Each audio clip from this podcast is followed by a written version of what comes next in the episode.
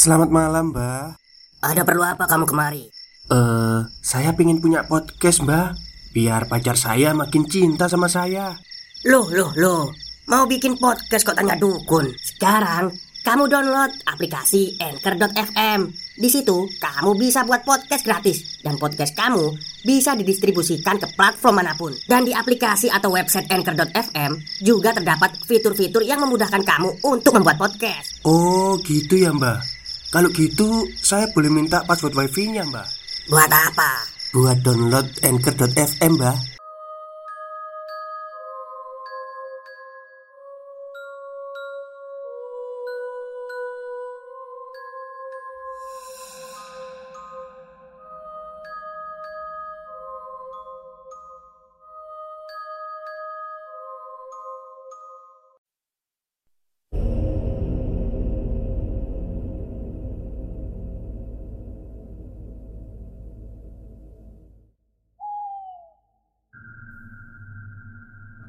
Assalamualaikum warahmatullahi wabarakatuh. Halo semuanya Jumpa lagi dengan saya Chow Sing Sing Kurator dari podcast Horror Night Story.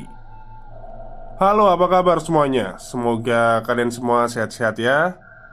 Dan seperti biasanya pada malam hari ini saya kembali Dan akan membawakan sebuah kisah mistis untuk kalian semua Sebenarnya tadi siang sudah mau saya bawakan ya, cuman karena mungkin ya udahlah kebiasaan nggak baca dulu saya. Jadi sampai di pertengahan cerita itu ternyata itu cerita agak ini ya, agak vulgar lah, mesum lah, dan tidak ada hantunya di situ.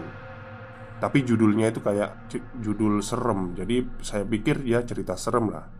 Ternyata cerita hohohihe gitu loh. Oke, sebagai gantinya pada malam hari ini Saya akan membawakan cerita dari Twitternya Putri Durga Yang menceritakan keanehan yang ada di rumahnya. Baik daripada kita berlama-lama Mari kita simak ceritanya.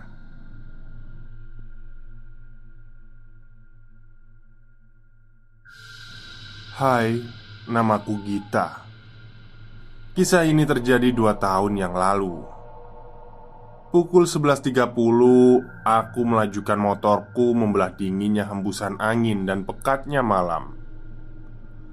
Aku baru saja pulang Dari menonton konser di daerah pantai Mertasari, Bali Bersama kawan-kawanku. Badanku rasanya remuk redam Setelah seharian mengikuti workshop teater lalu menonton konser band kesukaanku. Aku cukup aktif di kegiatan seni, terutama teater. Jadi, walaupun perempuan, aku sudah terbiasa pulang malam maupun dini hari sendirian. Aku sama sekali tidak mengalami keanehan apa pun di jalan pada waktu itu. Namun, di rumahku sendiri, akan aku jelaskan dulu denah rumahku. Rumahku adalah rumah yang dibangun dengan arsitektur khas Bali. Berpatokan kepada Asta Kosala Kosali Aturan tata letak ruangan dan bangunan Yang mana Terdiri dari beberapa bangunan dengan fungsinya masing-masing di sebelah utara adalah bangunan utama, tempat kamar-kamar tidur dan kamar mandi. Di sebelah barat bangunan utama terdapat jineng atau lumbung padi yang difungsikan seperti gazebo terbuka, di mana ayahku banyak menghabiskan waktunya untuk membaca juga berkomunikasi melalui radio amatir.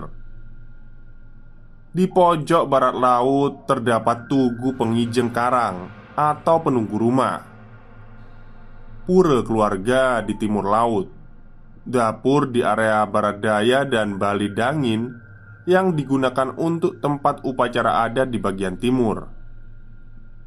Kamar tidurku ada di bangunan utama yang pintu masuknya adalah pintu ukiran khas Bali yang tidak menggunakan kunci seperti pintu-pintu pada umumnya. Dari luar, pintu biasanya dikunci hanya dengan menekan engsel ke bawah. Dari dalam, mengunci pintu dengan menekan knop kayu di bawah dan ke samping. Sesampainya di rumah, aku melangkah gontai ditemani dua anjingku menuju bangunan utama. Dari dalam rumah, aku mendengar ada suara satu lagi anjingku yang sedang menggonggong. Rupanya orang tuaku lupa mengeluarkannya sebelum berangkat. Malam itu orang tuaku sedang sembayangan di daerah Karangasem Yang jaraknya sekitar dua jam lah dari rumah. Aku membuka engsel bawah pintu Lalu mendorong pintunya. Pintu itu biasanya akan langsung terbuka dengan mudahnya. Namun kali ini tidak Aku mengira orang tuaku sudah pulang Ku telepon ibuku dan ternyata mereka masih di pura dan akan sampai di rumah pukul 4 atau 5 pagi. Aku memberitahu mereka kalau aku tidak bisa membuka pintu bangunan utama karena anjingku. Robin tidak sengaja menekan knop kayu di bagian bawah. Robin itu nama anjingnya ya. Sepertinya dia tidak sengaja menekan knop kayu dan mengunci dirinya sendiri. Aku terduduk di tangga Mataku sudah sangat mengantuk. Tubuhku juga mengalami kelelahan yang teramat sangat. Anjingku menggaruk-garuk pintu dari dalam dan tetap menggonggong. Aku mencoba lagi mendorong dan mendobrak pintu, tapi tidak bisa. Aku menyerah dan melangkah menuju Jineng. Semua jendela di rumahku diteralis sehingga aku tidak bisa masuk lewat jendela. Akhirnya aku memutuskan tidur di Jineng sembari menunggu orang tuaku datang. Aku tertidur dengan cepat sampai aku terbangun dan melihat jam di handphone sudah menunjukkan pukul 2 dini hari. Aku mendengar ada suara orang membuka pintu dari bangunan utama lalu berjalan menuju ke arahku dan berhenti di depan dapur. "Gek, masuk, Gek. Pintunya sudah dibuka.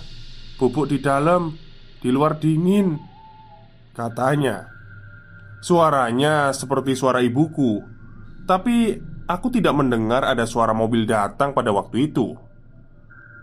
Tak sempat berpikir karena mengantuk, akhirnya aku memejamkan mataku kembali dan tertidur lagi. Kemudian, setelah beberapa lama, deru mobil terdengar di depan rumah. Suara ibu dan ayahku bercakap-cakap terdengar setelah mesin mobil mati. Langkah kaki mereka sangat berisik. "Kek, ngapain kamu tidur di sana? Tuh pintunya udah terbuka." Untung gak ada maling masuk. Omel ibuku sambil membuka pintu dapur. Stop, stop. Kita break sebentar. Jadi gimana?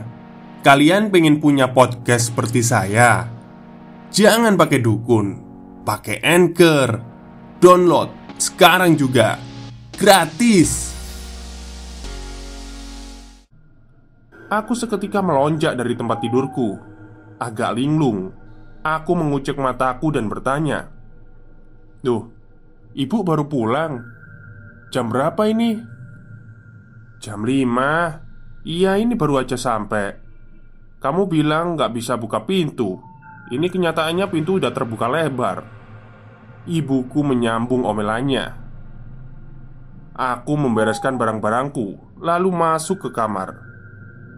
Kantuku hilang seketika Sedari baru sampai rumah Aku mencoba segala cara untuk membuka pintu itu Mendobrak juga sudah kulakukan tapi tidak bisa terbuka.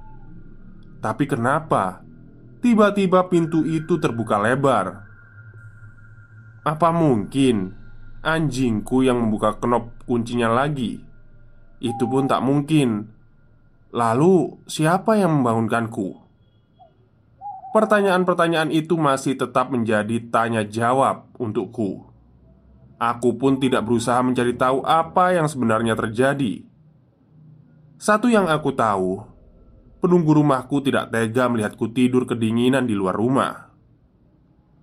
Hari Sabtu, 14 April 2018. Oke, itulah kisah singkat dari Putri Durga Perempuan asal Bali ya Mbak Putri Jadi Ya bisa jadi itu adalah uh, penunggu rumahnya Mbak Putri yang membukakan pintu dari dalam. Jadi kan mungkin kasihan ya, kok kedinginan ini bosku gitu ya. Ya udahlah dibukain aja biar tidur di dalam gitu. Tapi ternyata Mbak Durganya ini nggak sadar gitu ya. Ya udah lanjut tidur aja di luar. Oke, mungkin itu saja cerita singkat pada malam hari ini. Semoga kalian semua suka. Selamat malam dan selamat beristirahat.